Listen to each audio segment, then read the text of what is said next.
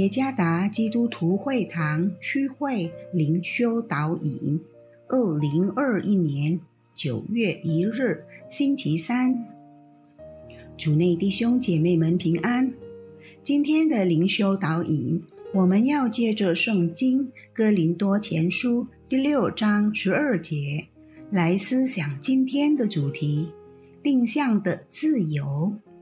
作者林金仙传道。格林多前书第六章十二节：凡事我都可行，但不都有益处；凡事我都可行，但无论哪一件，我总不受他的辖制。目前，先进技术小工具成瘾现象发生在许多小孩和青少年身上。这种情况发生，是因为在疫情大流行期间，从小孩、青少年到老年人，先进技术小工具的使用越来越频繁，因此不以为奇的产生了一个名称为 “nomophobia” 无手机恐惧症。这名称意味着因没有。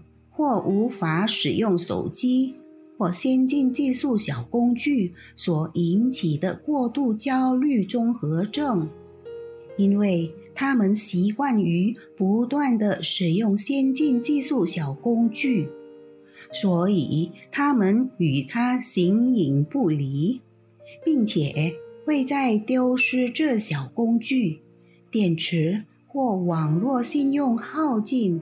或连线不到网络时感到焦虑，他们似乎没有它就活不了，因为对他们而言，先进技术小工具就是他们生活中的一切。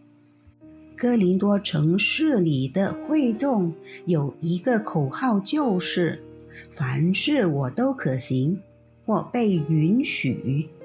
因为他们认为已经被基督救赎了，所以拥有做任何事情的自由，包括情欲。这就是为什么保罗反对这种自由的观念。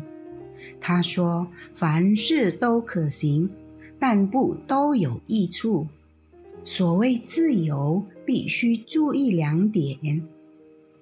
其他人是否从我们的行为中得益处或受用？第十二节的上半节，是否自由反而辖制了我们？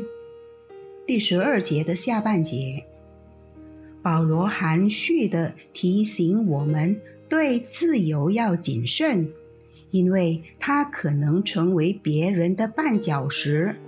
并控制了我们的整个生活。作为已被他救赎的人，我们的生命在基督的掌管中，因此我们所拥有的自由必须在基督的真理中遵行他的旨意。基督的真理将使我们能够分辨什么是有益处并讨他喜悦的事情。不要利用我们的自由来使我们被那些无用的东西辖制，要对那些能辖制我们心灵和思想，而使我们在生活中忘记上帝的成瘾习惯而谨慎。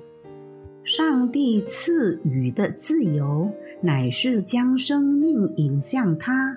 和他真理话语的自由，主耶稣赐福。